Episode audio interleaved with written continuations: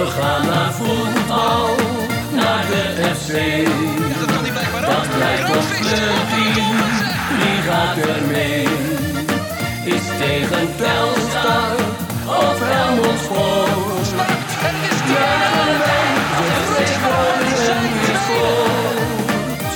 Juichen wij als FC Groningen weer scoort.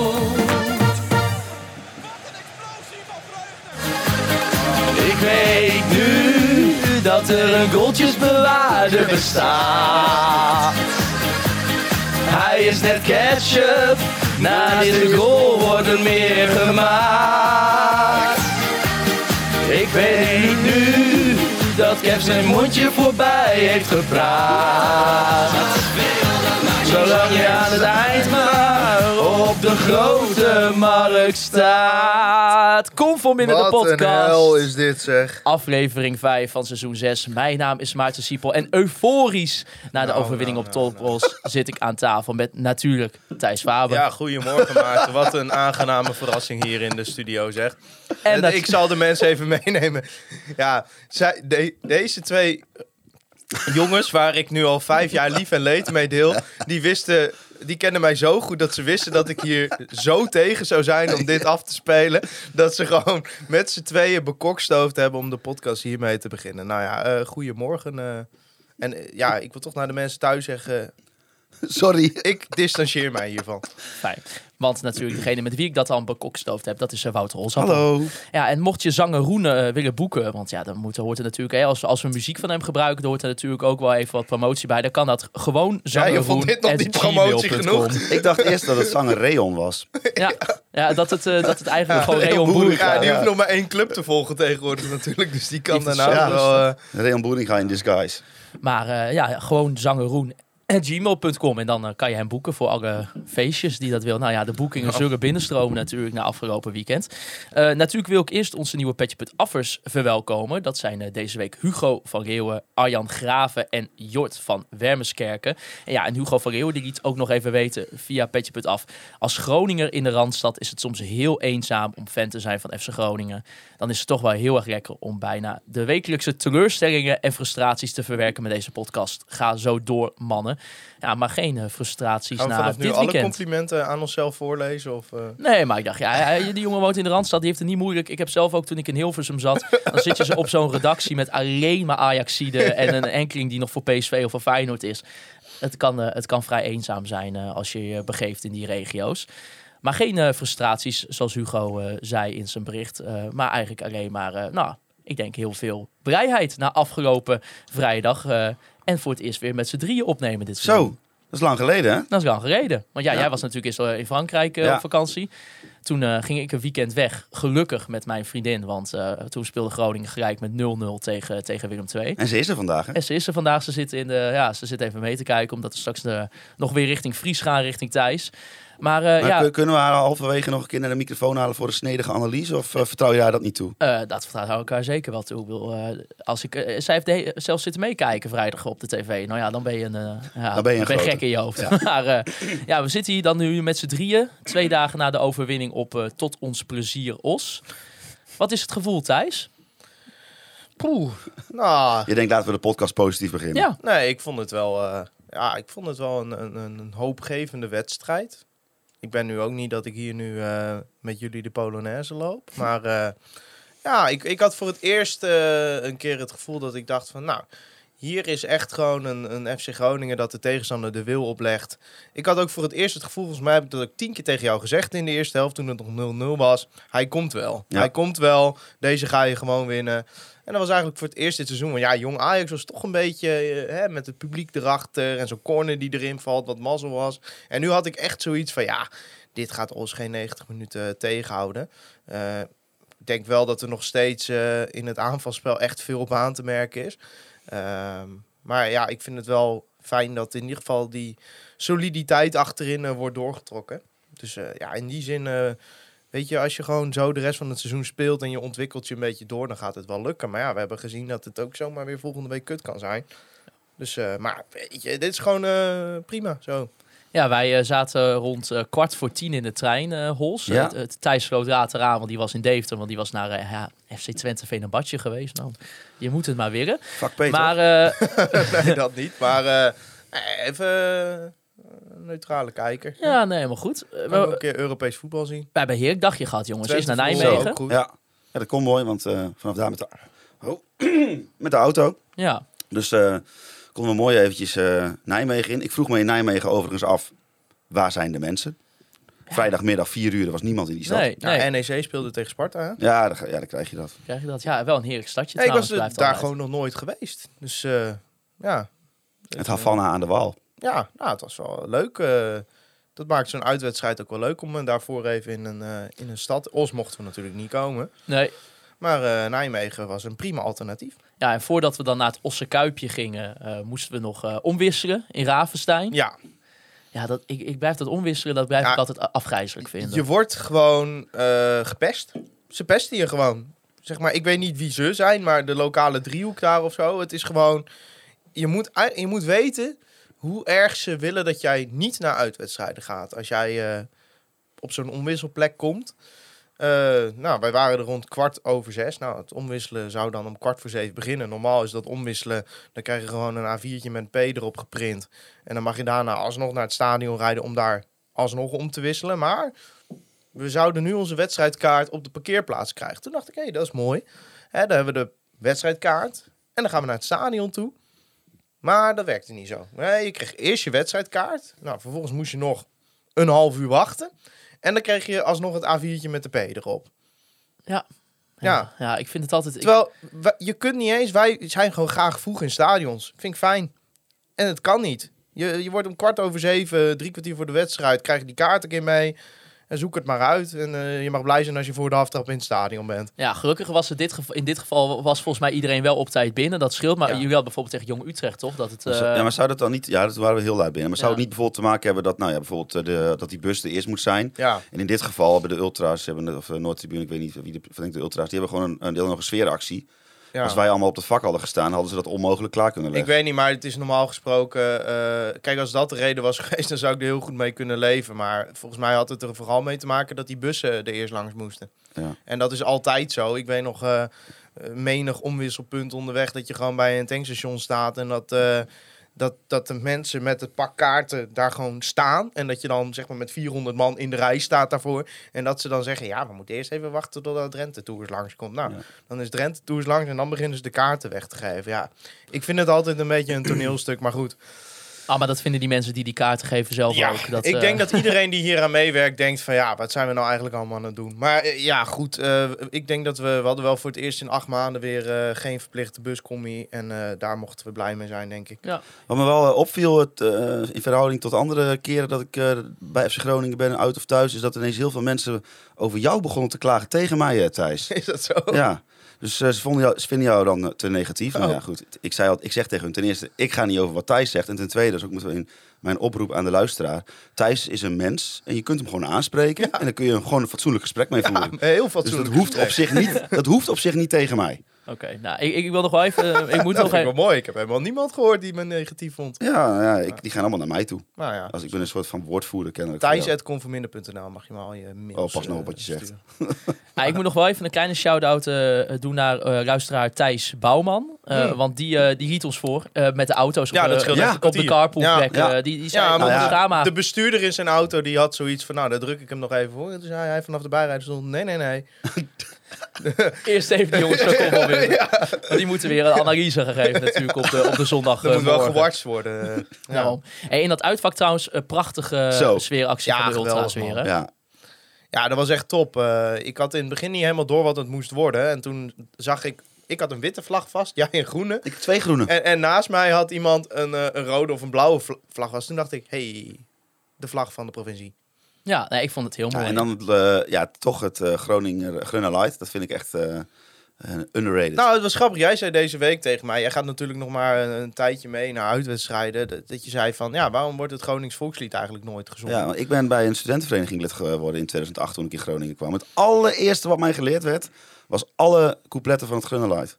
Dus die, die ken je allemaal zo uit Zeker, ja. Dus ook het stukje met eh, de willen vast als stol. Ja, maar. zeker. En, eh, daar wordt altijd het kaf van het koren gescheiden. Als je En, het derde hij gaat, hij gaat bij voetbal nogal snel, maar als je hem iets langzamer en harder doet, is hij nog vetter. Ja, nee, maar ik moet ja, wel zeggen, echt eh, sowieso de laatste tijd ook de prachtige sfeeracties van, eh, van de ultra's eh, erbij. Eh, ja, dat wordt toch elke keer wel echt ongelooflijk goed gedaan. Ja, ik ken die Capo, ik ken hem niet. Maar eh, ik hoop dat hij eh, gisteren eh, niks te doen had. Want volgens mij, die moet helemaal kapot zijn geweest. Die, heeft gewoon, die is gewoon 90 minuten lang... Heeft hij gewoon helemaal uit zijn plaat gegaan. En, dat, is, en dat resulteerde volgens mij ook in een goede sfeer. Nou, jij hebt die wedstrijd nog teruggekeken op ESPN, zei je. Ja, ik had wel een beetje het gevoel dat we een soort van thuiswedstrijd speelden. Ik heb niemand uit ons gehoord. Maar die waren ook te druk met andere dingen volgens mij.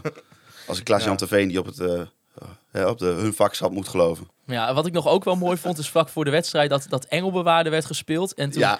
liep er iemand het veld op die dan, Ja. en ook nog door die En hele jullie hoorden de speakers niet, maar ik dacht al dat ik op de speakers had gehoord. Algemeen directeur Huppelepup. Van Lieshout? En toen Ja, kwam er iemand in zo'n pak het veld op. Toen dacht ik, hmm. Ja, nee, hij was inderdaad eh, interim directeur bij, eh, bij Top Os voor een, eh, voor een tijd. En eh, nou ja, die, die mocht blijkbaar dan een nummer op het, eh, ja, in, het, in het stadion zingen. Ja, ik, vind eigenlijk dat dat eh, Mark-Jan Vladeres afgelopen februari ook moeten doen. Ja, ja, ja, jammer. Maar eh, ja, dat, eh, misschien is het een- dingetje om mee te nemen. voor de hij had misschien via. Buurzen kunnen zingen met het beste maar weer. Ja. Ja, ik zit nu heel snel te proberen welk nummer dan eh Mark-Jan Vladeris zou moeten zingen. Maar goed. Nou, Geert Bronsema die had nog gevraagd. Die zegt, eh, wat vonden jullie van de, het kuipgevoel? En dat bedoel ik meer het op en neer gaan van het beton van de tribune. Ja, ik, was dat zo? Ik, heb Ja, dat, ja, ja, ik, ja, ik ja. dacht dat het eh, in Os zou gaan eindigen voor mij op een gegeven moment. Want toen we nog een keer inhaken, inhaken. Ik had dat Eh, en beeld toen- van, die, van eh, de Goffert dat ik eventjes... eh, Ja, even, het schoot wel een paar keer door mijn hoofd en heen. en dan eh, sta je met z'n allen te springen. En dan moet je eens even één, één keer stilstaan, zeg maar. En eh, ik zei ook, eh, nou, eh, dat zei ik tegen Dimitri en tegen jou... Niet naar het dak kijken, niet naar het dak kijken. Want dat dak dat ging echt op en neer. Ja, Ja. Ik dacht, het gaat hier eindigen. En wat, wat, wat is- Staat er dan eh, eh, Groningen en dan... eh ja, Overlijdensplaats eh, Os. Overlijdensplaats Os. Ja, wat ik ook nog wel één opvallend ding vond, is dan kom je daar aanrijden bij dat stadion. En dan, eh, eh, ja, dan kom je daar, heb je daar de Nelson Mandela Boulevard. Die man die heeft weet ik veel hoeveel dingen in zijn leven op zijn konto. Die heeft eh, vastgezeten, die heeft voor mensenrechten gestreden. Al, noem het maar op. En dan, wat krijg je als beloning? Een boulevard bij eh, het Frans Stadion. Ja, Ja, dat is toch mooi, denk ik. Denk dat je Ja, daar, eh, het mooie aan dat Frans Heesen stadion is gewoon als je een keer boos maakt en overschiet, dan schiet je gewoon de ruiten van een school eruit. ja. dat vind ik ook wel mooi. Ja, Niels Hoens die was nog benieuwd eh, hoe de versnaperingen waren. Want ja, ook natuurlijk nieuwe competitie betekent ook misschien andere snacks of een andere beleving daarvan. Eh, ik heb alleen bier gehad, dus eh, ik heb er was ook bier niks was lekker. te eten gehad. Ik heb een Broodje? kro- broodje kroket gehad. Was prima. Nou. Een beetje, niet helemaal zeg maar, zoals je een kroket donkerbruin gebrand wil hebben. Maar een beetje een vaag kleurtje. Maar oké. Een wit puntje of Smaakt bolletje? het- goeie vraag. Maar zo'n langwerpig ja, eh, puntje dus. puntje. Nou, dat vind ik wel En wat me eh, vooral opviel, ik ben eh, naar Jong Utrecht uit geweest. Daar heb ik in de rij gestaan voor een broodje bal die niet te vreten was en bier. Ik denk dat ik ongeveer 20, 25 minuten in de rij heb gestaan bij Utrecht met drie loketten. En hier, nou ik denk dat ik twee keer binnen twee minuten had ik wat ik wilde hebben. Ja. En Ja, één maar- keer was het nog sneller gegaan als Henk Niemeyer, de supporterscoördinator, niet aan het voorkruipen was. Maar Os is natuurlijk, hè, dat is een SP-stad. Daar wordt keihard gewerkt natuurlijk. Dus daar wordt met een arbeidsethos worden die broodjes over de balie geflikkerd. Ja, dat is, eh, dat is klasse. Het ging echt heel snel. Al met al. eh, dus Fran daar, die jongen krijgt eh, Ja. dikke, dikke duim. Ja, maar wel, Ja, je, je, mist, zou- je mist gewoon aan één Ja. kant een tribune. Maar ja, die Ja. hebben ze ook niet nodig, want er komt daar niemand. Nee, nee, nee. nee alleen de crazy side ging nog een beetje los. Ja, maar ook de- dat zit maar voor een derde vol. Dat is wel Ja. echt bijzonder om te zien. Ja. Want ja, lijkt mij wel leuk als je in Os en omgeving woont. Dan heb je gewoon een profclub. Ja, iedereen is natuurlijk voor PSV daar. Ja, of voor andere. Ik, ik snap wel dat het is wel een drukke regio, maar op zich, ja, ik weet niet. Ik vond het ook niet een hele eh, vervelende ervaring of zo. En ik had Ik van vond het heel tevoren leuk. gedacht van ja, dan sta je op zo'n eh, in zo'n half stadion, maar ik vond het eigenlijk nog best wel een beetje eh, gezellig of zo. Jawel, maar onze grote vriend eh, Jeffrey Ras eh, was mee. En die komt natuurlijk met dat Urk, komt hij wel bij amateurclubs van aardige Ja. formaat. En die zegt gewoon bij de, de meeste amateurclubs in de tweede divisie is, zijn meer mensen dan hier. Ja, maar ja, eh, als we eh, op toeschouwersaantallen gingen sorteren, zouden wij ook niet in de KKD spelen. dat en klopt. NAC en Willem II ook niet. En Excelsior zou dan niet in de Eredivisie spelen. Dus ja, zo werkt het niet, hè? Zo werkt het niet. Laten we even gaan naar het, eh, het voetbal. Want FC Groningen begon eh, in de volgende opstelling met eh Verrips op goal natuurlijk. eh, met eh, Peersman, Balker en Rente met de vier achterop. Eh, dan Bakuna en Hoven Abraham Valente en dan eh, met het spitse duo van Veen en Romano Postema. Eh Alje Woltje, die was benieuwd, ja, heeft Dick Lukien nu de ideale basisopstelling gevonden met hier en daar misschien nog een enkele mutatie voorin? Wat denk jij Thijs? Is dit de opstelling eh, waar we Ah. op moeten gaan bouwen? Ik zou Peersman op linker centrale verdediger sowieso wel in stand houden. Ja, wie je daar dan naast zet. Ja, mijn voorkeur zou nog steeds Rente hebben. En dan Balker op rechtsback in plaats van andersom. Nu je weet dat Hoven blijft, is het natuurlijk wel lekker als je gewoon een as hebt met Bakuna en Hoven ervoor. Eh, met Van Veen, die gaat er niet uit. Nou, Postma ben je nu vier tot zes weken kwijt. Maar je hebt dan in ieder geval het geraamte een beetje staan. Ja, ik vind nog steeds die buitenspelers. Ik vind dat heel moeilijk om nou eh, in te schatten wie dat moet worden. Ik denk wel dat eh, na vrijdag er wel één iemand is die daar het meeste aanspraak op maakt. Emmeran. Maar eh, ja, Valente, ik weet het gewoon nog niet zo met Valente of zo. Ja, hij doet wel leuke dingen. Hij laat ook wel met die ene actie zien dat hij, dat hij de snelheid heeft. Maar ik vind nog steeds dat hij wat handelingssnelheid mist voor die positie. En ik blijf het apart vinden dat ja, hij elke paas ongeveer op de scheenbeschermer van zijn medespeler schiet of zo. En niet gewoon in de voeten. Dat is een beetje zo'n gevoel hoor. Misschien valt het mee. Maar ik weet, ja, met Valente, ik weet het niet. Maar ik ben op zich wel, zeg maar zoals het in de tweede helft stond met een linkspoot op linksbuiten en de rechtspoot op rechtsbuiten. Dat vind ik wel echt eh, beter. Ja, Valente toch wel een aantal kansen ook eh, in de eerste helft. Had hij had eigenlijk wel een doelpuntje moeten maken natuurlijk. Ja, maar dan, dan ontbreekt het daar toch een beetje aan, aan de scherpte, de concentratie. Die heeft wel, hij heeft natuurlijk twee grote kansen en nog één schietkans waarvan ik dacht, ja, dit is gewoon een trainingsschot, die moet er gewoon in. Ehm, Of in ieder geval tussen de palen. Ja, en, en dan ontbreekt het toch. En, en ik vind wel, als je op die rechtsbuitenpositie... Ja, ik zou niet weten wie het op dit moment beter zou kunnen invullen, hoor. Maar dat moet toch wel... Ja, dan moet je ook gaan scoren op een gegeven moment. En, en ja, ja, het was natuurlijk met die bal op de paal, dat is pech. Maar Ja, maar eh, wat, je, dit is de ene kant van het verhaal, maar aan de andere kant, hij creëert ook heel veel van die ja, 100%. mogelijkheden zelf. 100%. Met zijn loopacties, met... eh, Ja, maar laat ik het zo zeggen. Als je gewoon in tandems gaat denken, dan vind ik de tandem Meta Emeran een stuk sterker dan de tandem Rente Valente. ja, klopt. Maar dat ligt ook voor een deel aan rente, vind ik. Want dat is een Ja, ik ben niet daverend eh, Nee, over ik vind, waar, waarom ik Rente heel goed vind als rechtsback, is dat hij eh, verdedigend eh, heel stabiel is. Maar in, aan de bal is het niet veel.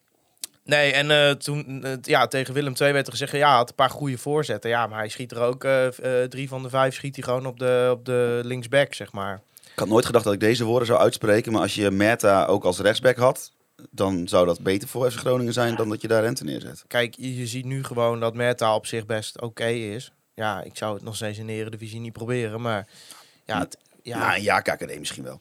Nou, ik, ik vind wel dat Meta lekker bedrijvig is, veel creëert, veel eh, dreiging gaat ervan uit. Het, natuurlijk eh, misschien wel een van de belangrijkste bases van de wedstrijd gegeven op Emeran Zo. eh, bij de 2-0.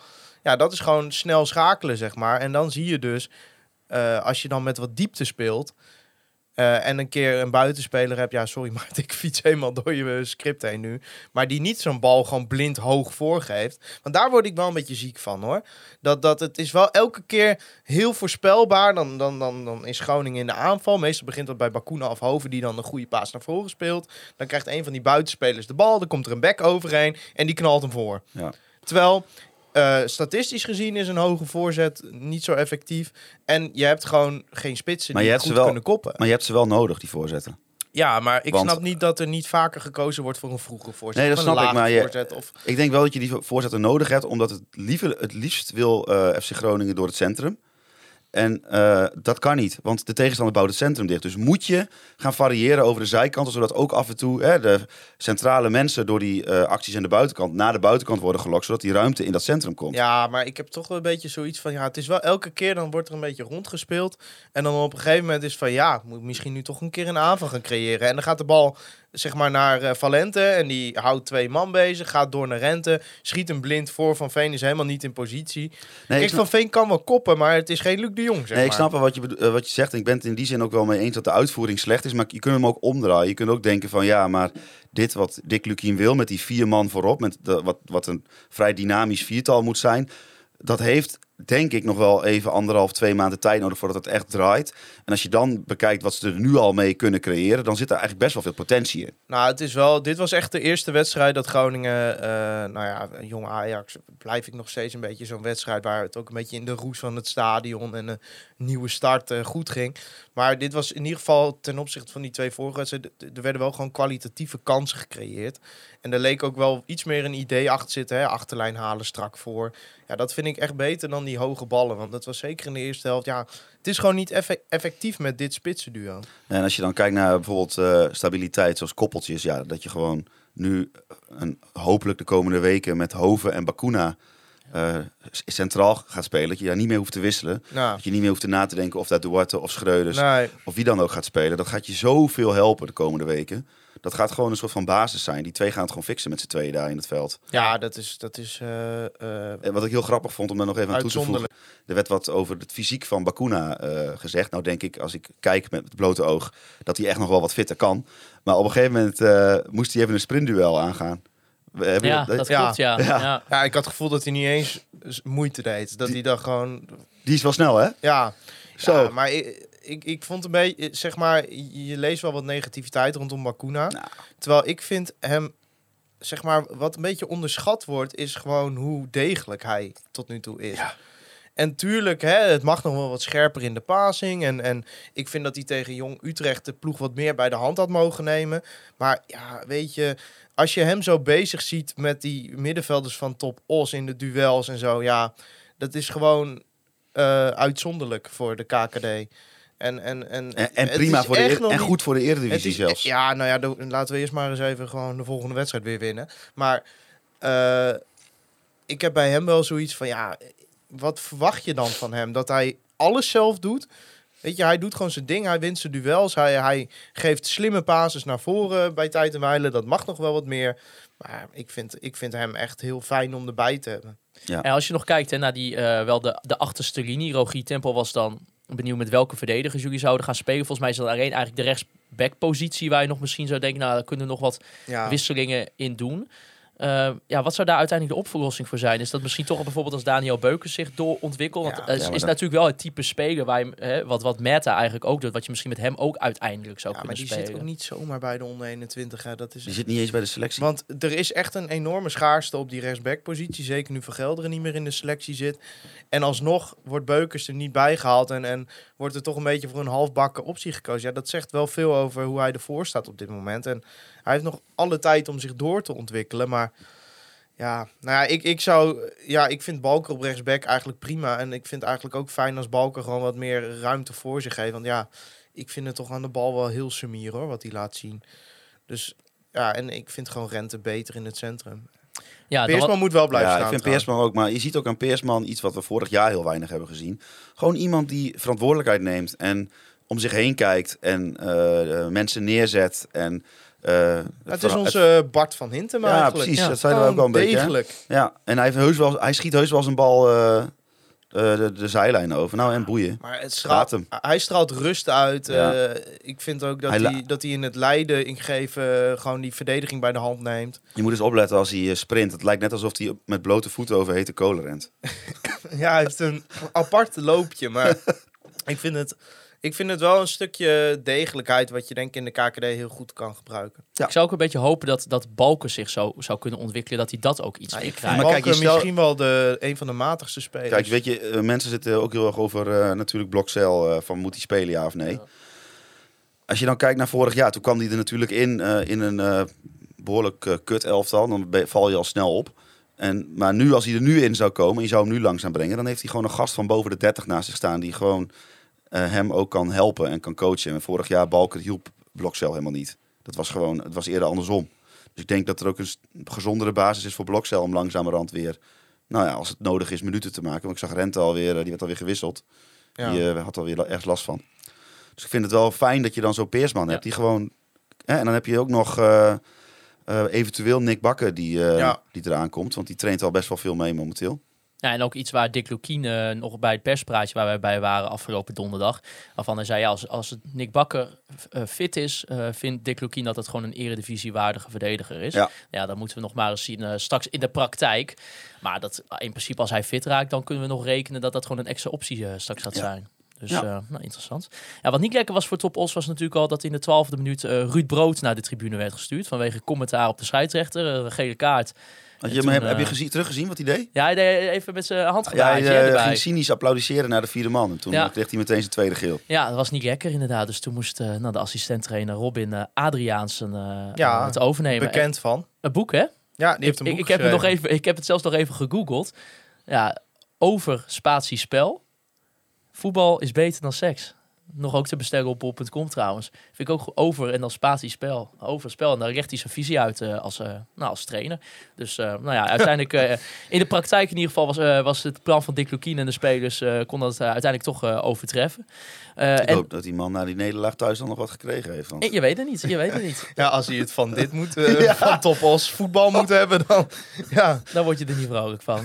Eh, en Romano Postema natuurlijk wel sneu, hè, dat hij van het veld moest eh, Ja. vanwege zijn Ja. schouder. Ja, en ik ga mij niet vertellen dat dat komt omdat dat veld eh, zo lekker zacht eh, landt. Ja, sorry, maar ik denk echt dat het gewoon kunstgras, kunstgrasblessure is. ik, ik, ik- nou, daar zat ik echt een beetje mee mijn knoop in mijn maag. Ik denk, die gozer heeft eindelijk zijn basisplaats eh, veroverd en dan overkomt je dit weer. Was ook een beetje sneu. Je zag hem Die toen gozer ook, heeft eh, zoveel pech, joh, in zijn carrière. Ik vind dat echt sneu. Hij had ook al aan het einde, toen, eh, eh, nou, toen na, de, na de wedstrijd, zeg maar, toen stond hij er ook een beetje inderdaad sneu met die schouder bij. Dan denk je, ach, arme jongen, weet je wel, Ja, inderdaad. vier, tot, En- vier tot zes weken. Ja, Ja, en als je ziet, want ik vermoed dat Touré volgende week dan op zijn plek gaat spelen. Ja, als die zo speelt als vrijdag, dan ik, ja, ik vraag ik me ook af of Postma nog terugkomt. Ja, maar hij, was weer, hij was toch wel weer lekker, hè?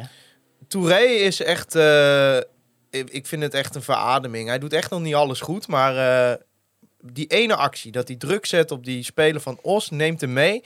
Niet naar binnen komen blind schieten, niet eh, op een onmogelijke manier een van Veen meegeven, overzicht bewaren, Valente de bal spelen. Ik vond ook mooi, de commentator bij eh ESPN was er ook echt van onder de indruk. Ja, Die, die, die, die, die zei echt een beetje, och, wat mooi gedaan.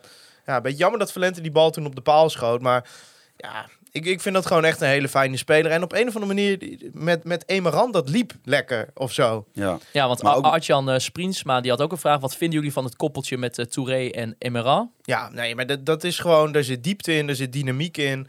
Daar zit, eh, bij Touré zit daar een gezonde portie power in. ja, en je hebt straks... Heb je En gewoon drive. je hebt- Allebei, hebben- ze hebben drive. Je hebt één spits, Kevin van Veen. Dan, hè, maar je hebt dan die andere drie die daar lopen. Valente, uh, Emeran, Touré, Touré. Die kunnen ook, heel, die, die kunnen ook heel constant wisselen van, van eh, positie. Ja. En dat, dat, die zijn vrij eh, ja, complementair aan elkaar op dat, op dat vlak. Nee, ik vond het heel sneu voor Romano, want ik vind die heeft echt keihard gewerkt tot nu toe. En, eh, maar, maar ja, Touré is wel...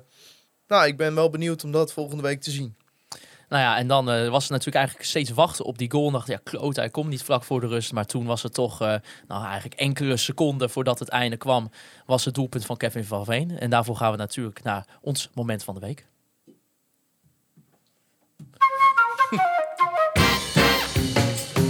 Het Online Retail Company moment van de week.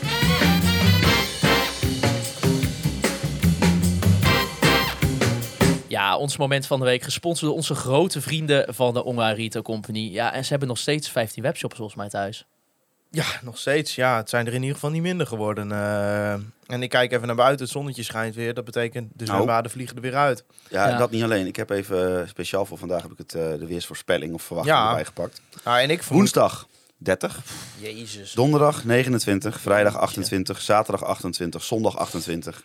Mensen, het kan nog, hè? het Ja, seizoen en ik is nog niet als voorbij. je nu naar zwembadstore.com gaat en je bestelt hem, heb je gewoon voor het einde van de week eh, zo'n lekkere intaxbuiker in je tuin staan. Ja, en stel voor je hebt nog een week vakantie en je denkt, nee, ik ga nog ergens, ergens Ja. kamperen in de kant. Ga naar luchtbedshop.com. Ja, of je hebt in die vakantie hartstikke veel uitgegeven. Je denkt, "Gek, gat voor zo'n zwembad, dat is best wel duur. Ja, dan flik je toch gewoon die code KVM er even bij. 15% korting. Of, dik, hè? of dik, DICK is Ja. dat. Ook voor de internationale luisteraars. Ja, geweldig. Nou ja, en ja, dat was natuurlijk wel eigenlijk het moment. Het was erop wachten. Iedereen hunkerde naar, inclusief de speler zelf. Zoals, eh, zoals Kevin van Veen zei ook, eh, de dop is eraf gevlogen van de ketchup fles. Ja. Want ja, die, die ontrading bij hem was fantastisch. Nou, bij de eerste eh, viel, was hij een beetje on, eh, onwennig. Bij de eerste goal. Hij liep zo richting de, het vak met, waar zeg maar, geen enkele Groninger was. Ik dacht ook, waarom waarom loop je daarheen? Hij keek een beetje ongemakkelijk om zich heen. Op een gegeven moment ging hij maar gewoon Bakuna bedanken voor de goede vrije trap. Ja. Maar bij die tweede, Ja, er kwam even wat los. in de hekken, hè? Maar die, die vrije trap van Bakuna, dat was ook prachtig. Dat was een mooie bal. Ja, dat was een En- hele... Ik wil daar ik, toch even claimen. Wat zei ik op het vak tegen jou voor die vrije trap? eh, help me even. Schiet hem in die verre hoek. Er loopt vast wel iemand tegenaan en dan schiet je hem er zelf in. En wat hoor ik Kevin van Veen na de wedstrijd in dat interview zeggen? Dat had hij ook tegen Bakuna gezegd. Kijk. Wat een visie weer, Faber. Nou, nee, er was meer gewoon dat ik eh, klaar was met die domme hoge ballen de hele tijd. Dat ik denk, schiet dat ding gewoon op doel. Ja, dat is wel een goede, ja. ja. Nou, dus Ah, bij deze ja. geclaimd. Geweldig. Ook het interview daarna weer bij, eh, bij zowel Stefan Breker als bijvoorbeeld Daniel Taylor ook. Eh, ja, ja, je geniet gewoon van hem. Ja. Ik vind het heerlijk, gewoon de dingen die hij zegt. Het is Eh, gewoon een mooi vent. joh. En ja, we ha- Ja. wij hadden dit nodig als supporters, maar hij had het ook nodig Ja, voor maar- het gevoel. Zeker na het interview van vorige week met Stefan Breker, waarin hij eigenlijk wel echt aangaf dat hij gewoon niet helemaal lekker in zijn vel zit momenteel met, met zijn vriendin die nog in Schotland zit. Ja, Nou, wou je meteen naar die tweede gaan, die tweede goal? ja, ze- ja, doet hij er maar bij. Maar ja, Ja, Ja, ik ik bedoel, hij vind dat hem- de goal ja. voor 50% op de paas van Meta eh, eh, Houd toch op man, die paas van man. Ja, dat is de Dat andere 80% dat is de andere de goal. vijf- Dat is de andere 50%. Ja, want eh, die samenvatting doet er geen recht aan. Nee, Aan- want wij aan- stonden er veel beter aan voor. de schoonheid van die paas van Emeran. Nee, oké, ik ben... En, nou, ik overdrijf niet, Nee, want het, lijkt, het lijkt gewoon een breedtebal. Maar kijk, want die, die gozer breekt door. En ja, wij zijn toch een beetje getekend met het FC Groningen. Ik dacht, nou ja, die gaat zelf schieten, schiet over. Ik dacht, die school die daarachter staat, die moet al bang zijn voor de ruiten. Ja, en hij geeft hem gewoon echt, jongen, die snelheid, die- precisie. Curve. Ja, Oh. ja, het was echt... Nee, ik ben het met je eens, maar ik, ik Ik, ik, zou even... willen dat wat mijn ogen zeg maar, op die lijn van die bal zagen, dat je dat, je dat kon uitzenden. Maar ik ben het met je eens, maar wat ik meer wil aangeven is... dat er zijn tijden geweest bij FC Groningen dat Meta hem had aangenomen... terug had gedraaid en hem op uh, Ja. rips had geschoten. Ja, En nu kiest hij er gewoon voor om meteen diepte te zoeken. ja. En daardoor ontstaat de mogelijkheid. ja, gewoon dat, dat aanzicht wat dat we hadden vanuit het uitvak. Ja. En dat, dat die, die, Daar kan geen camera ik vind tegen. sowieso als je, als je die Emerald ziet sprinten, dan, dan, dan ga je gelijk al even, dan sta je al gelijk extra op, weet je wel. En dan, ja, het, was gewoon hup, perfect. Het was Ja. zo'n lekkere goal. En ik, eh, om meteen dan op het tactische door te gaan. Ik twijfel nou heel, heel erg van, moet je, dat, moet je nou met hem op links of rechts gaan Links. spelen? Want ik denk dat als je met hem op rechts gaat spelen, dat hij heel vaak het tempo uit aanvallen haalt. Ja, en die kan gaat alleen dat maar niet. schieten. Nu kan dat niet. Je moet ineens op snelheid door. ja, maar dat is gewoon een opportunistische speler. Dat zie je aan alles. Die wil gewoon maar één ding, dat is gewoon die bal en dan of dribbelen of een paas geven. Of... Maar als je hem op rechts neerzet, dan, dan gaat hij niks anders doen dan, dan naar binnen komen en schieten. Want het was ook wel daarna ook wel een beetje een blindpaard soms. Hè? Ik bedoel, het is wel, het is eigenlijk ook Nou, soms dat ook wel doe je wel te tekort, want hij gaf wel echt nog een geweldige bal op Touray. Echt, Ja. eh Touré, sorry. Eh, en, en, en daarna nog een dieptepaas die net niet aankwam. Ja, en ik zag een soort van eh, aantrekking met eh, Kevin van Veen. Dat, dat, die, dat, dat ze hem echt elkaar opzochten om Ja. combinaties aan te gaan. Nee, dus... En dat vind ik ook heel knap van, eh, van Veen. Want Van Veen heeft natuurlijk ongeveer zes spelers om zich heen. Van wie die maar moet leren kennen hoe zij aanvallen aangaan. En bij hun zag je meteen, oké, Touré wil graag een bal in de voet spelen en doorbewegen. Ja, En je zag Kevin van Veen dat meteen ook oppikken. Ja, maar ik- het, het verschil met Abraham was toch dag en nacht. Emeran. Ik, eh, vond Abraham nou, ik heb, ik eh, vond hem niet slecht, maar het brengt zo Nee, maar ik heb denk ik wel een goede samenvatting voor Abraham. Want eh, die gaf in de eerste helft een steekbal tussen Meta en Van Veen in. Naar helemaal niemand. En die bal ging over de zijle achterlijn. En toen zei de ESPN-commentator eh Sjors Blauw, die zei... eh, Abraham ziet spoken lopen. Ja, En dat is wel een beetje het probleem van Abraham. Hij kapt iemand uit. En dan het vervolg, de beslissende paas of de voorassist... is gewoon echt... Nou, ik overdrijf niet. 90% van de keren gewoon een kutbal. ja, toch vond uh, Lukien hem niet slecht uh, spelen, zei hij. Hij zorgt wel voor bepaalde nou, hij, kan dynamiek. Een, hij kan een mannetje uitspelen en daardoor een overtal creëren. Ik denk dat dat is wat Dick erin ziet. Ja, Maar bijvoorbeeld verder, want uh, nou, bijvoorbeeld Daniel die vroeg van, verwachten jullie nog dat Abraham uh, ja, nog veel gaat spelen? Ook een beetje in combinatie ja. met nog, nog de luisteraars vragen van, van onder andere Koen en Jens, die ook benieuwd waren van ja, moet Emeran nu in de basis tegen ADO Den Haag? Of zou je misschien ook kunnen zeggen, ja, misschien is het ook wel goed dat je Emeran gewoon wat later brengt en dat, dat je dan gebruik gaat maken van misschien dat de tegenstander een beetje uh, minder... maar waarom Abraham niet een keer op rechts proberen? Want wat ik het probleem vind met Abraham is dan heeft hij zichzelf in een kansrijke situatie geworsteld. En dan moet hij altijd terug naar rechts. En dan haalt hij tempo ja. er weer uit. Terwijl ik geloof best dat hij een goede voorzet heeft. Stel nou, je hebt Emeran als linkspoot op links. Abraham als rechtspoot op rechts. Dan heb je twee spelers die een man kunnen passeren. En ook gewoon een voorzet kunnen geven. Ja, maar ik wil, denk wel dat in, de, in deze, deze manier van spelen dat uh, Lukien heel graag wil dat die eh, tienen ook in, in, in scoringspositie komen. En dat wordt wel lastig als je dan met Abraham op rechts gaat Ja, spelen maar- en Emeran op maar je links. hebt nu Hoven erbij, een box-to-box middenvelder. Die kan dan toch in die scoringspositie komen. Ja. Want dat is ook gewoon een scorende middenvelder.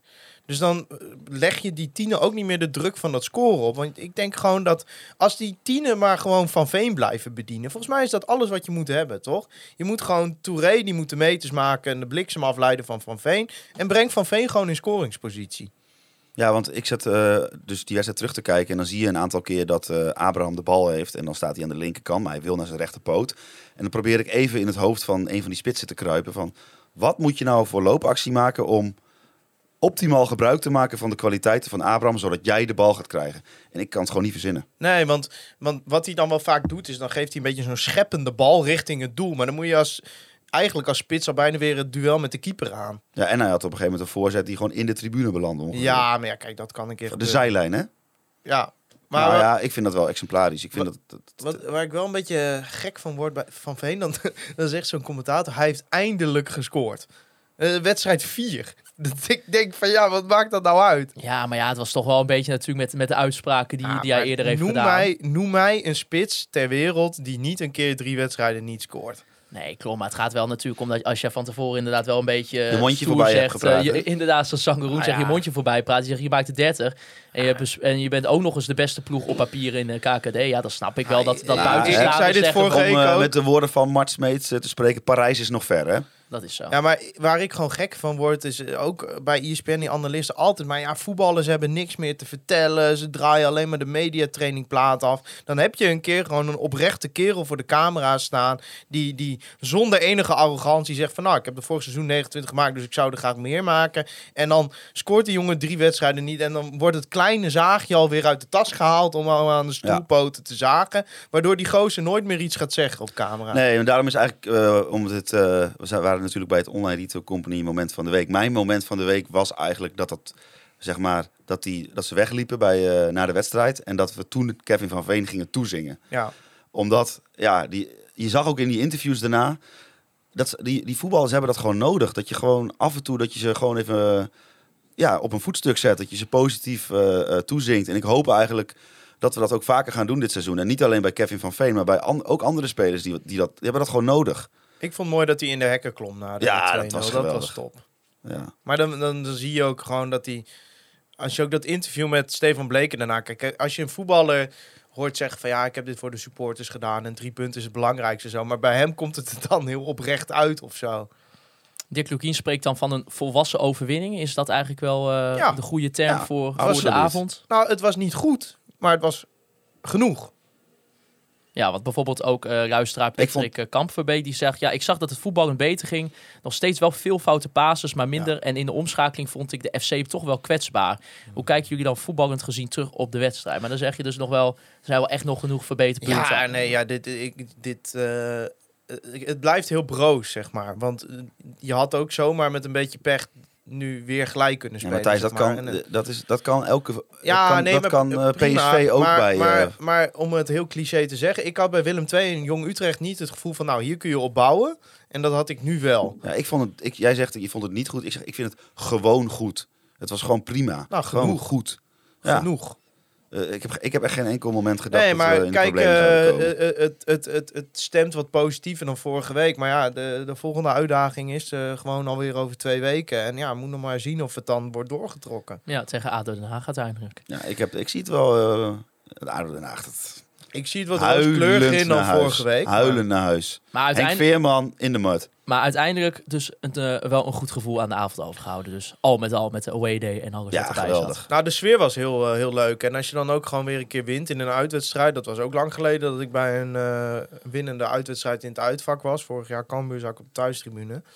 Dus eh, kijk, op deze manier is de KKD best leuk voor een jaar. Zo is het wel leuk, Ja. inderdaad. Ja, de titel van vorige week was ik vind de KKD nu al niet leuk meer, maar zo is het wel leuk. Zo is de KKD best leuk als Mooi. je gewoon wint. Maar ja, ja, maar het probleem gewoon met verliezen in de KKD is omdat je bij iedere nederlaag denkt: God, nou, dan zijn we hier volgend jaar weer. Ja, nou, Op zich ja. vond ik het Frans stadion leuk voor een keer, maar ik hoefde er niet nog een keer heen in de KKD. nou, ik vond het een hartstikke leuk stadion. Nee, maar jongens, eh, we, we kunnen gewoon nog mee. We doen nog mee om periode 1, hè? Zo is het ook Hey. wel, ja. Je hoeft maar acht wedstrijden goed te spelen hè, om te promoveren. Zo is het. Eh, laten we dan gaan naar eh, de transfermarkt. Want die is eh, dicht voor de, nou ja, de meeste tussen haakjes bekende voetballanden. Dus nog wel open voor bijvoorbeeld een land als België tot eh, 6 september. En ook veelal Oost-Europese landen. Ehm, maar ja, de grootste verrassing natuurlijk voor de FC op deadline day... was het blijven van middenvelder Johan Hoven. Ja, toch een speler waarvan we allemaal zeiden, volgens mij in de, in de zomer... van nou ja, iemand gaat dat wel betalen en die jongen zal vertrekken. FC Groningen zei ook wel dat we er niet mee rekening gingen houden dat hij zou blijven. Maar toen kwam toch het, eh, het nieuws vlak na de wedstrijd met een filmpje van hemzelf waarin hij aangaf eh, dat hij blijft. Ja, Ja. mooi. Ja, dit, dit hadden we toch nooit verwacht. Nee, in- inderdaad. En niemand bij de club ook. Maar eh, ja, er is blijkbaar uiteindelijk geen doortastende interesse voor hem gekomen. En eh, ja, dan blijft hij. Ja, want de Ja. transfer is dan twee keer een beetje stuk gelopen vanuit, eh, vanuit Engeland met Southampton en Stoke City. Ehm, ik zag ook het interview met Daniel Tegen dat hij, eh, dat hij daar wel aangaf dat het eh, nou, wel heel veel met hem heeft gedaan. Dat hij echt kilo's aan gewicht is verloren en dat hij heel erg, hij zelf in ieder geval de druk Nou, voelde. doe mij dan ook maar eens een keer een transfer die niet doorgaat. Maar ook dat hij aangaf, van, ja, hij wil zijn vrienden en zijn familie heel erg trots maken. Dat hij daar toch wel heel erg last van had. Ja, maar dat kan niet in Groningen natuurlijk. Ja. Ja, zo, ik ben hier niet zo heel gevoelig voor. Ja, ik zie gewoon iemand die vooral heel teleurgesteld is dat hij hier niet opgepleurd is, zeg maar. Ja, dat, dat, dat was Ja, jouw gevoel toch wel. Ja, maar die gozer die moet in eerste instantie linea recta zijn zaakwaarnemer ontslaan, want die loopt hem alleen maar op te naaien. Die heeft helemaal niet het beste met hem voor. Ehm, eh, ja, ik, eh, het was op zich een leuk, oprecht interview. Maar ik bedoel, er, er hoefde maar een visboer in Stook te zijn die te roepen dat hij graag Johan Over wilde. En hij kon al niet meer opbrengen om eh, voor ons te spelen. Ja, ik heb daar niet zoveel mee. Het is niet een beslissing uit clubliefde. Het is voor hem natuurlijk gewoon pech dit. Ja. En voor ons is het mazzel. En ik denk ook wel dat hij 100% gaat geven. Eh, ja. Ja. ja, dat is ook maar beter ook als hij dat doet. Maar ik heb nou niet echt zo'n gevoel van, nou echt eh, eh, geweldig Johan, wat een clubliefde dat je blijft. Hij was, als het had gemoeten, was hij nog lopend naar Engeland gegaan als het had gekund. Maar toch, hij blijft. Hij wordt het koppeltje met Leandro Ja, nee, maar dat is geweldig, want het is een topspeler. Ik zie je, dat is een speler die volgens mij ook niet snel geblesseerd raakt. Dus daar kun je echt op bouwen. En dan, eh, als, als Bakuna ook fit blijft, heb je gewoon voor de komende 34 eh, overige wedstrijden heb je gewoon eh, je middenveld staan. Maar ja, Hoef wat je nooit meer over na te denken. Want als we kijken naar de, naar de andere middenvelders die je dan nog op die posities eh, zou kunnen spelen, heb je natuurlijk bijvoorbeeld nog Schreuders die leuk speelde in de voorbereiding. Eh, Joey Pelopessi die wel wat speelde in de voorbereiding. Maar ja, die lijkt denk ik misschien wel de laatste keus momenteel eh, Ja, te die zijn. gaat geen minuten maken. En ja, en Laros Duarte natuurlijk, want Ja. die is uiteindelijk eh, niet vertrokken. Nee, nee, ja, ja, ik zou Schreuders trouwens graag een keer op de plek van Valente willen zien. Hij zou, er wel- zou er wel benieuwd naar zijn, omdat hij best wel snel is, zeker aan de bal. Ehm, ja, dat is toch wel een beetje het probleem wat ik met deze transferzomer heb. Is dat het toch, ja, ik vind gewoon echt dat het te laat doorgeselecteerd is. En daarmee neem je eh, financieel ook wat risico's. Ik bedoel, er zit met Duarte en Pelopessi zitten gewoon twee behoorlijke salarissen. Zeker die van Pelopessi zit gewoon ja, praktisch eh, niks te doen. Maar, eh, zeg maar, als je dan even dat specifieke geval Pelupessi hebt. Wat had dan de club moeten doen met Pelupessi?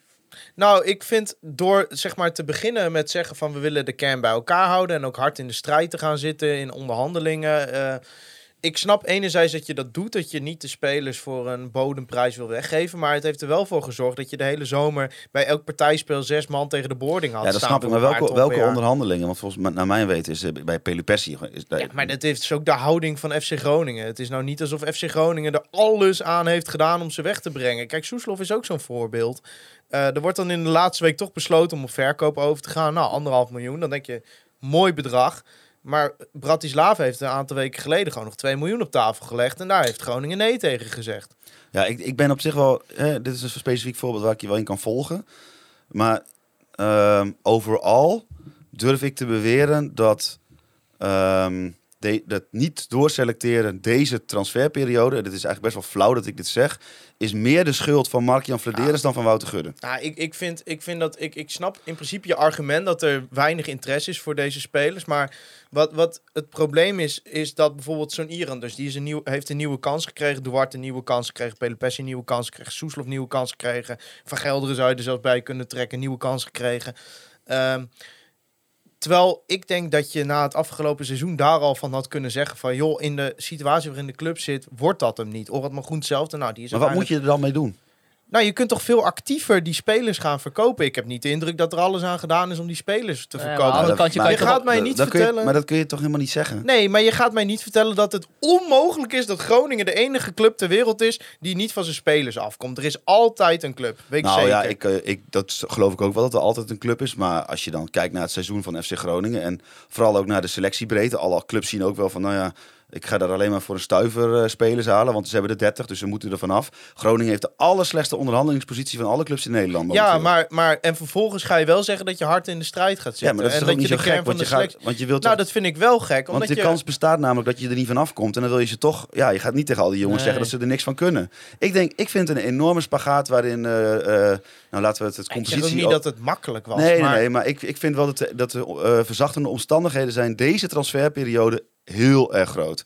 Omdat je gewoon met, het, met de erfenis van Vladeris zit. Ja, ik ben en ook- natuurlijk, daar was Gudde ook verantwoordelijk voor. Hè? Die was daar ook bij, dus dat mogen we hem echt nog wel aanrekenen. En dat zal hij zichzelf ook wel aanrekenen. Nee, maar kijk, eh, dat is geweest. Maar eh, je- bent die transferzomer ingegaan door te zeggen... we willen de kern van de selectie bij elkaar houden. Ja, Ja, ik, kan maar- wel, ik kan me ook wel voorstellen dat, Dick Lukien ook wel, als jij op papier Raels Duarte en Joey Pelopessi hè, bijvoorbeeld krijgt binnen de selectie, snap ik Ja. ook wel dat Dick daar een hele voorbereiding wil mee gaan Ja, maar- maken. ja, maar dan heb je zijn op vorig papier seizoen natuurlijk blijkbaar hele geen minuut gezien kan toch niet je eh, kampioensjaar, je beoogde kampioensjaar beginnen met zeggen van nou, eh, ja, ik, ik, als- uit supportersoogpunt wel, man, god, ver- ver- vertel mij wat.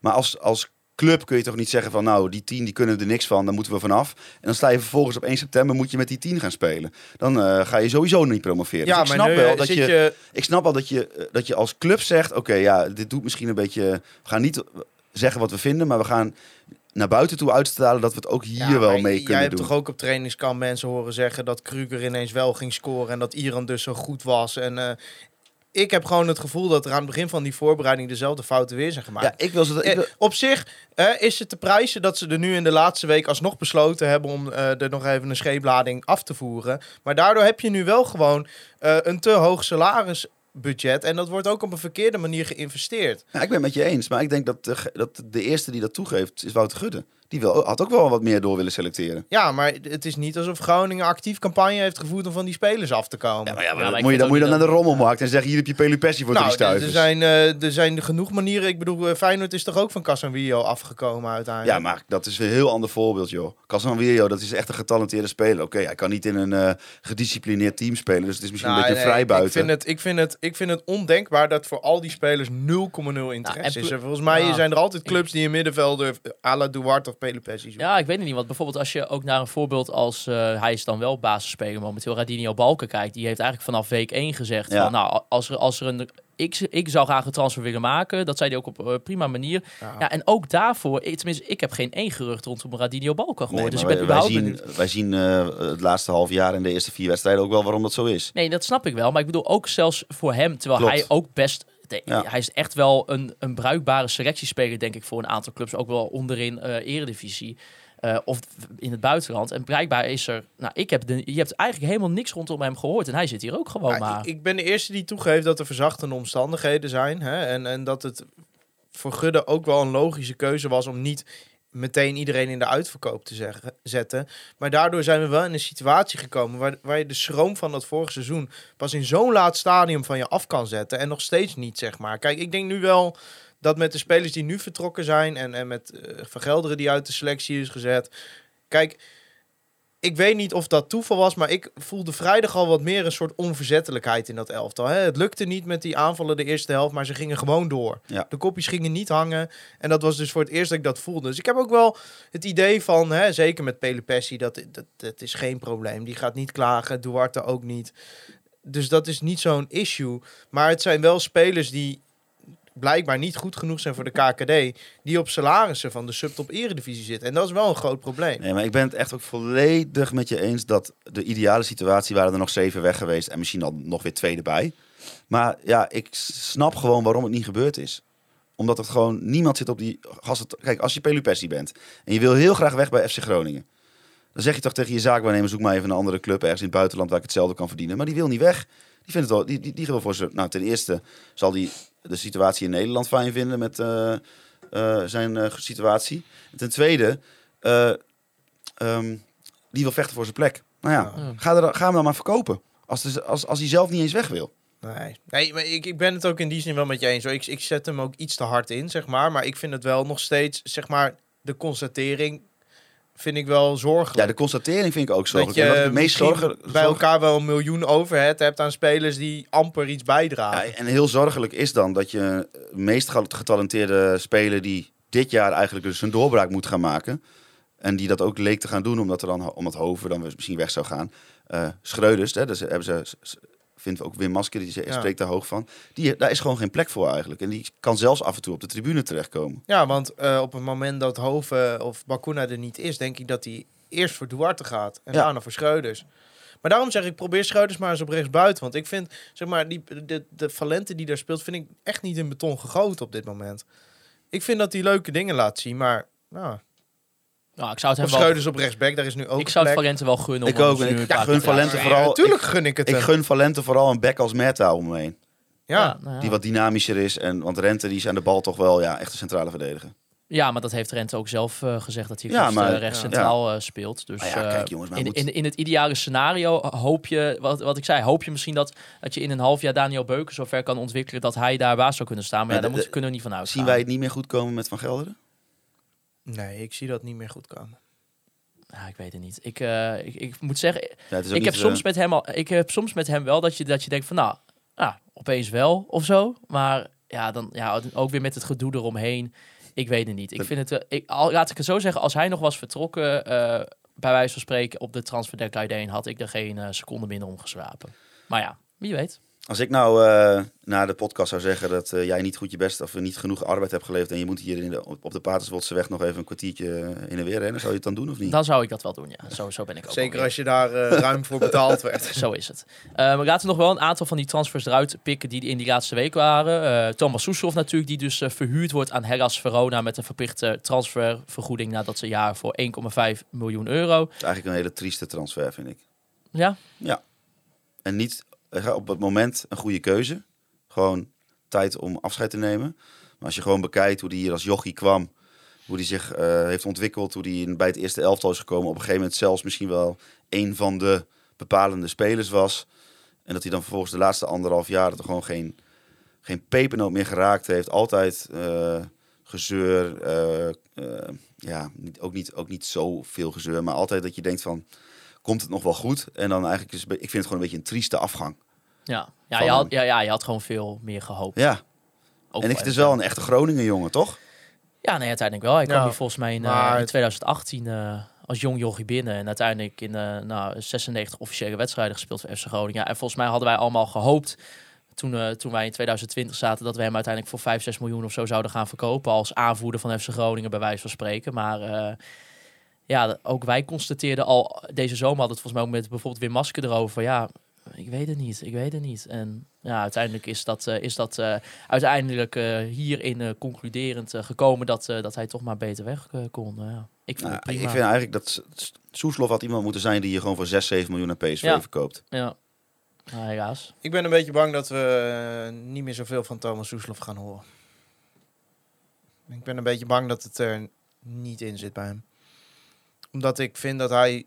Hij had zich stormachtig ontwikkeld tot een basisspeler. En vanaf dat moment is hij echt... eh, en oké, hij is een beetje slachtoffer geworden van de situatie bij de club. Nooit echt een eh, uitgesproken positie gehad. Maar ik denk dat hij net niet goed genoeg is om in eh, de as te spelen. En ik denk dat hij als buitenspeler ook veel tekort komt. Dus ik- gun hem een nieuwe stap, een nieuw begin. maar Ik denk dat de nieuwe omgeving wel wat voor hem kan doen. ik ben een beetje bang dat hij over drie jaar alsnog eh, naar Slovan Bratis- Bratislava gaat. En, eh, en, en, en daar zijn carrière vervolgt. En dat is eh, hartstikke prima. Daar kan hij vast leuk van rondkomen. En een mooi huis kopen in Slowakije. Maar En af en toe ik, op de ik- bar ik- dansen. Ik, ik ben bang dat niet alles eruit gaat komen wat er bij hem in zit. eh, en, en het heeft niet eens per se met zijn mentaliteit te maken. Want volgens mij wordt ook wel af en toe een beetje overdreven hoe slecht die mentaliteit van hem is. Zeker als je bijvoorbeeld eh, een persoon als Danny Buis over hem hoort. Die gewoon zegt, hij heeft gewoon af en toe iemand nodig die keihard voor hem is. En, en op zich eh, was Dick Lukien dat ook wel. Als je, als je dat zo hoort. En, en het is ook echt niet dat die met ruzie uit elkaar zijn gegaan. Maar ja, ik vind het heel verstandig dat de club heeft gezegd van... eh, dit, is, eh, dit is klaar, dit is over. Je, je kunt niet nog een jaar weer gaan denken... Ja, maar als, hè? Nou ja, maar daarom, is, vind ik het, ja, daarom vind ik het al met al dus wel een trieste transfer. Ja, het, ik, vind, ik ben er ook niet blij. Nou, ik ben er wel blij mee eh, op de korte termijn dat het gewoon dat die, dat die ruis weg is. Maar eh, dat je er nog wat voor ja, krijgt. je had gewoon gehoopt dat hij door de voordeur was vertrokken naar een PSV inderdaad of zo. En daar gewoon, weet ik veel, de plek van Joey Veerman had ingenomen volgend jaar. Zoiets. Je Maar, noemt het maar, ja, helaas. Twee andere spelers die ook nog eh, vertrokken zijn eh, Ragnar Ortman Groen en Florian Kruger. Ortman Groen die gaat op huurbasis spelen bij eh, Fortuna Sittard. Dat vind ik heel bijzonder. Ja, Omdat eh, alle kritiek die Danny Buis op het aankoopbeleid van Mark-Jan Vladeres had... over spelers die hè, duels, eh, volwassenheid meebrengen... en dan neemt hij van Groningen uitgerekend Orad Groen. ja. Iemand die eh, volgens mij twee keer op zes heeft gestaan... en toen uit alle, alle hoeken en gaten mannen, ma- mannetjes uit zijn rug liet lopen. Dus, eh, maar goed, wie weet verrast hij eh, misschien dat Danny het er wel in krijgt. ja, je weet het niet. En Kruger die dus naar Eintracht Braunschweig eh, gaat. Dat op het tweede niveau speelt in Duitsland. Ook een optie tot koop. Zul je zien dat hij inderdaad 20 is, schiet. Ja, Nou, dat is hem van harte gegund. Want wij hebben hem gesproken. Het is echt een, een, rustige, aardige, intelligente gozer. Maar ja, wat is het nou? Het is niet snel. Het kan niet zo goed dribbelen. Niet exceptioneel, ook niet slecht. Het kan niet exceptioneel afmaken.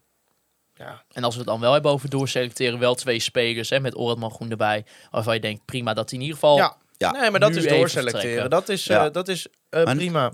En wat heel fijn is voor. eh, je, hebt al best wel. zit goed eh, in de aanvallende spelers momenteel.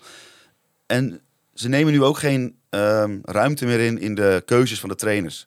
Dus eh, je hebt niet meer dat je nou de ene keer wordt dan weer Orant Magroen gebracht. En dan weer Kruger. En dan weer eh Iran dus. Je hebt nu gewoon een iets kleinere groep. Waardoor je gewoon eh, wat meer vastigheden kan gaan werken, denk ik. Ja, Tessa die had dan een vraag. Die zegt, ja, het elftal bestaat nu uit nieuwelingen en de meest gemotiveerde spelers van vorig seizoen. De Verderes miskopen zijn nou, veelal verdwenen of spelen niet of nauwelijks. Is dit waar we naartoe moeten? Zijn we in ieder geval wel, hè, want jij zegt wel Thijs, ik had ook liever wel gewild dat er nog iets eerder meer was doorgeselecteerd. Maar is dit wel, is dit, is dit voldoende, denk je? Poeh, is het voldoende? Ja, er zitten nog wel wat twijfelgevalletjes in. Ik denk wel eh, dat, we met, dat we het beste middenveld van de KKD eh, in de as sowieso... Ik denk dat we de beste as van de KKD hebben. Ehm, ik denk dat alles valt of staat bij hoe het zich aanvallend gaat ontwikkelen. Het is defensief stabiel genoeg, degelijk, weinig kansen tegen... Eh, ja, er moet gewoon meer gecreëerd gaan worden. En, en dat, ja, dus het- ja, het is eigenlijk eh, de, de grootste taak ligt nu bij de staf. En wat ik ook wel lastig vind is wel van je hebt dan nu inderdaad wel een selectie en die zou je normaal eh, gesproken hè, als je Eredivisie speelde en je, je, je kent heel goed ook die andere teams zou je denk ik wat beter kunnen inschatten waar je dan misschien qua niveau staat. En dat vind ik hier toch best wel lastig. Ik vind het heel lastig als je bijvoorbeeld hè, nu een reeks wedstrijden ingaat van waar deze jongens kwalitatief staan ten opzichte van de rest van de competitie. Ja, maar ja, als je bijvoorbeeld Top Os ziet, dat is zo'n ploeg waar dat werd een beetje als een dark horse. Hè? Een beetje, oh, misschien gaan die het linkerrijtje wel halen. Ja, ik was daar niet heel erg van onder de indruk, als ik eerlijk Nee. ben. Kijk, je moet altijd oppassen dat je, dat je niet gaat doen alsof wij zo verschrikkelijk veel beter zijn. Maar ja, Os had natuurlijk niks te vertellen vrijdag.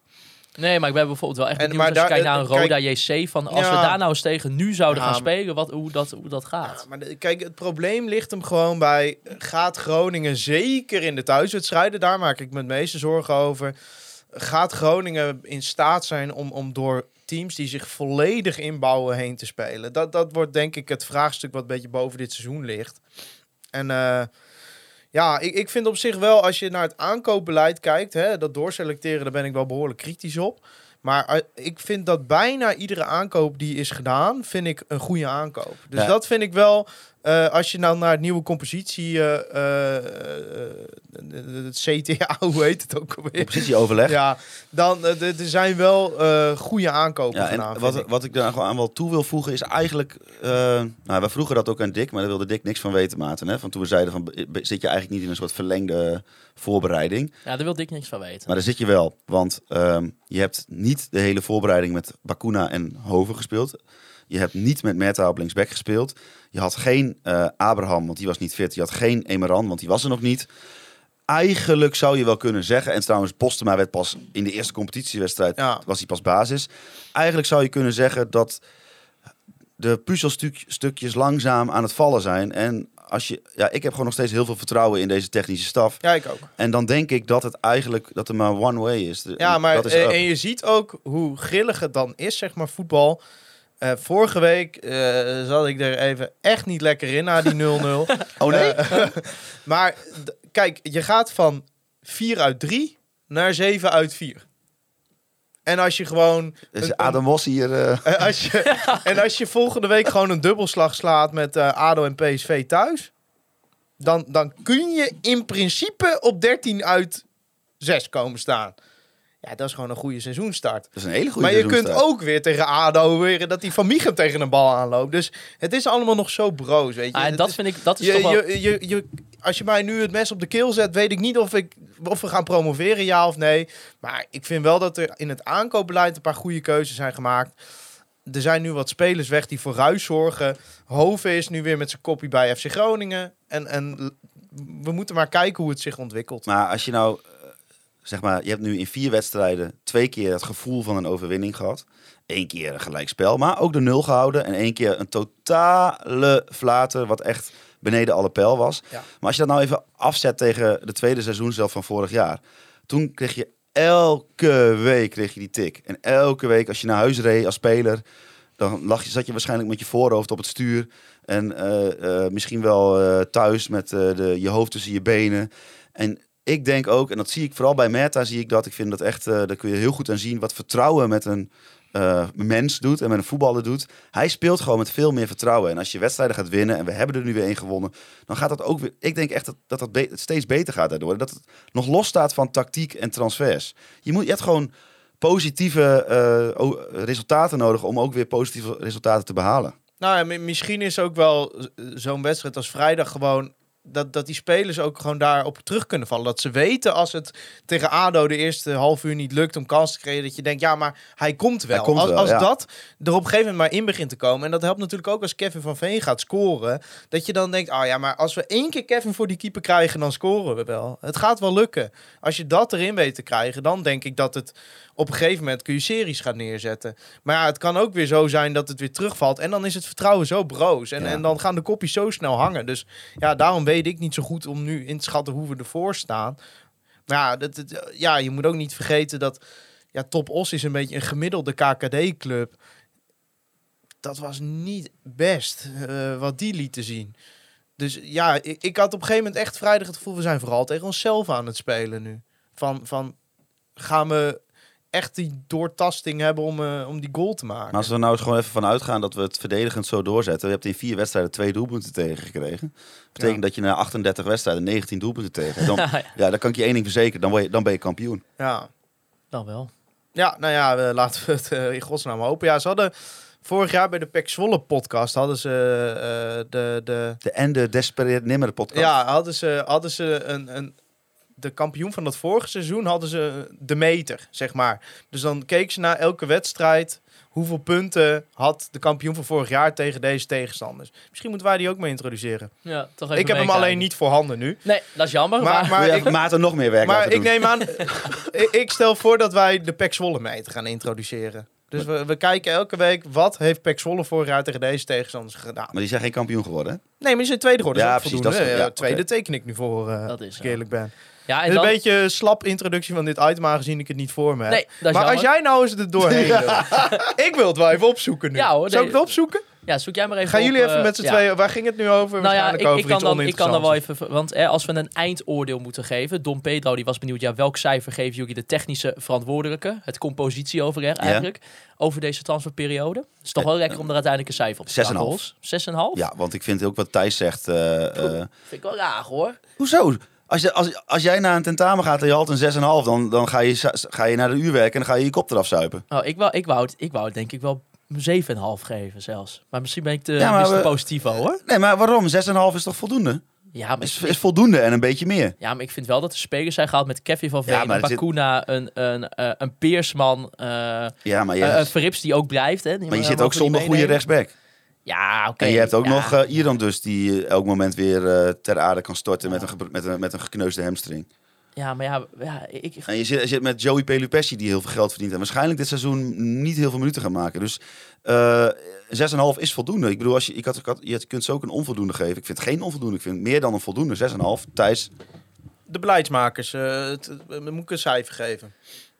het compositieoverrecht. Ja, maar ik wil een cijfer voor de inkoop en de verkoop geven. ja, de inkoper... Oké, ja. De ink- inkoop geef ik een eh 7, verkoop geef ik een 3. Inkoop geef ik een 8. Wat wat is... En even kijken, dan moet ik even goed rekenen. Nee, ik geef een 4 trouwens, want dan is het gemiddeld een 5,5. Want ik vind het wel voldoende. Inkoop... Een vijf en een half. Thijs waardeer deze transfer window een vijf en een half. Nee, Ja. maar ik vind Het is echt net, echt net goed. Inkoop een 8 en eh, eh, uitgaand een 5. Nee, maar dat komt omdat de inkoop en verkoop zo lichtjaren uit elkaar ligt. Oh, oh, oh. Ja, ik, Oh, nee, ik, ze- ik nee. doe 7,5 en 4,5. Ja, maar Maarten, Nee. jij gaat nu zeggen Ja. verzachtende omstandigheden, Ja. dit en dit. En vervolgens ge- geef jij mij de opdracht om een heel generiek cijfer ergens op te plakken.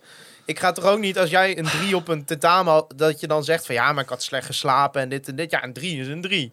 Oké, ja. Nou, ik wil Ik heb al trouwens 7,5 de, de. Pek Zwolle meter Ja. is opgezocht. Zeg het eens. Pek Zwolle had afgelopen seizoen thuis tegen op Willem II en Jong Ajax twee keer gelijk gespeeld. Dus twee punten.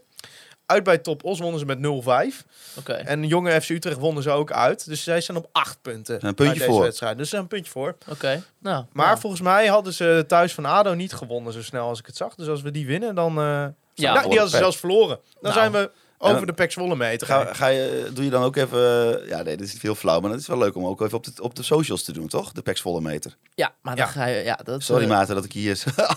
Oh, Ga jij daar een templateje voor maken? Dan, eh, dan kunnen we dat doen. Ik zal eens even kijken of ik iets kan verzinnen. Ik moet zitten... Oh, ik heb mijn laptop niet bij me. Want dat is pas eh, ja, 15 september speelt Groningen tegen ADO Den Haag. We gaan inderdaad een uh, interlandperiode helaas in. Dat de Nederland zelf dat tegen Griekenland speelt. En nog in Dublin tegen Ierland. En eh, nou ja, dan, dan is ADO Den Haag, die maar vier punten hebben uit 15. Eh, oh, oh, en daarmee op de 15e plaats staan. Dus eh, eh, ja, mogen we, want dat is vroeg Pat- eh, Patrick eh, Kampenbeek af. Ja, het sentiment. Nou, vorige week merkte ik in de aflevering dat de vlag, eh, dat de vlag half stok ging.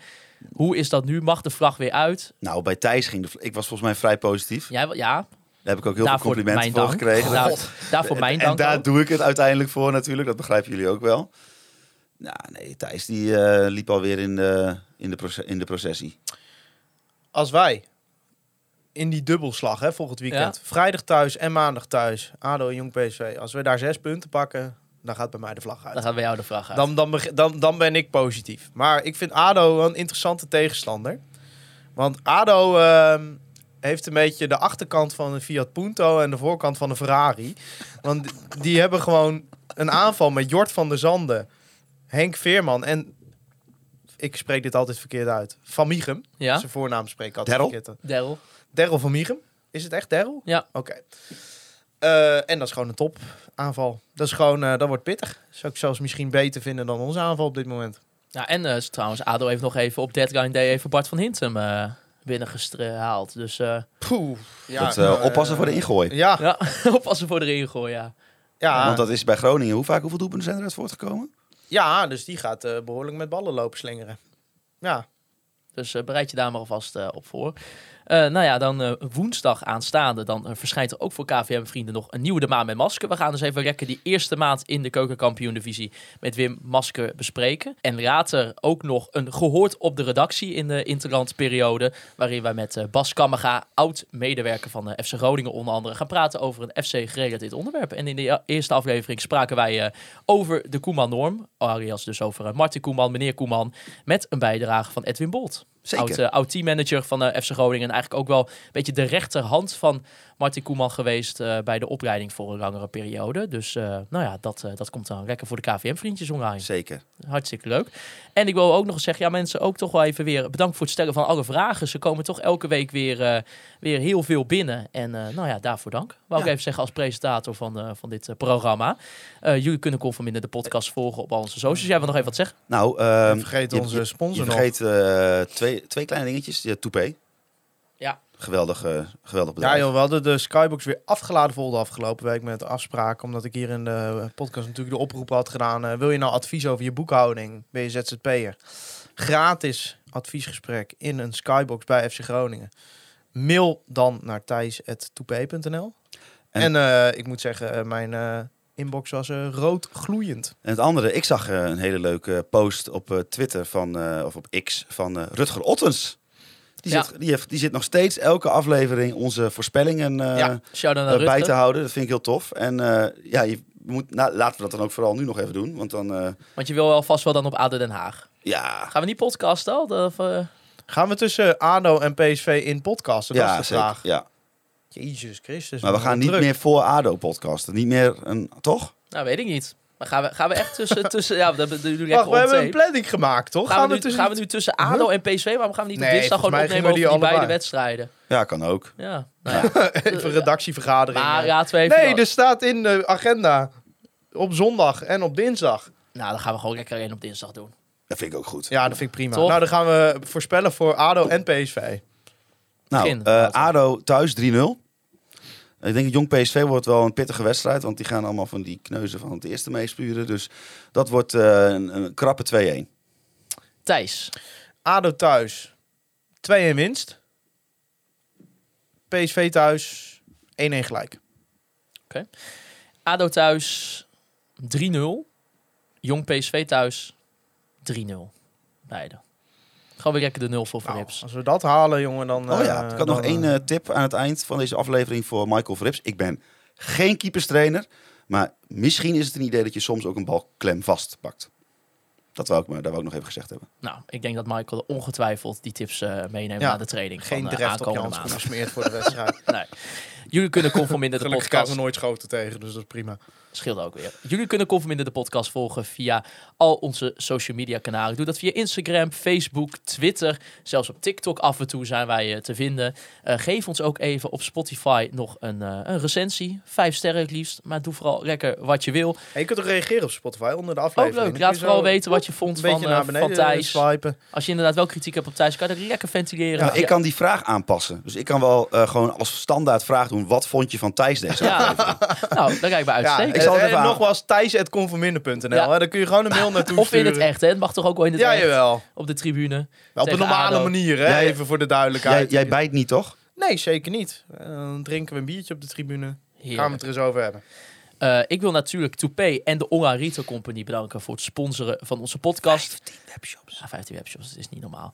Jan Westman natuurlijk voor de foto's die wij nu ja, wekelijks eh, gebruiken. geweldig. Jan Westman die stond weer met die ongelooflijke beuken van de camera. Klik, klik, klik, klik. Ja, en dat hij Ja, die, weer. die spelerstunnel bij Os die was eh, zo smal. Die kreeg gewoon de lenzen er niet tussendoor. Nee. Zo lang is die lens. Nee, Jan kwam echt door het grote hek na- daarnaast. Ja, dat, Ja. Zo die, zien eh, die had een soort kanon op zijn op schouder liggen met die camera. Ja, die wordt ook extra goed gefouilleerd, Jan Westman. Want die, die, denken, die mensen bij ons dachten, wat is dit? Ja, dat is Ja. echt eh Ongelooflijk. Eh, een ik, rioolbuis. Dat is echt... Ja, ach, geweldig. Eh, eh, onze KVM-vrienden natuurlijk voor het steunen van onze podcast. Met dus binnenkort de maand met masker en gehoord op de redactie met Bas Kammerga. En ik wil kind in de jullie... snoepwinkel. Hè? Ja. Op dit moment een petje met afpagina. Het is echt, jongen, die, je- ik heb mensen gehoord die hebben gewoon hun baan opgezegd om al die content te kunnen beluisteren. Ja, is het, het is zo ja, erg ja, al, het hè? is zoveel. Ja. Ongelooflijk. En natuurlijk wil ik jullie, de luisteraars, bedanken voor het luisteren naar Conforminder, de podcast. Groningen weer.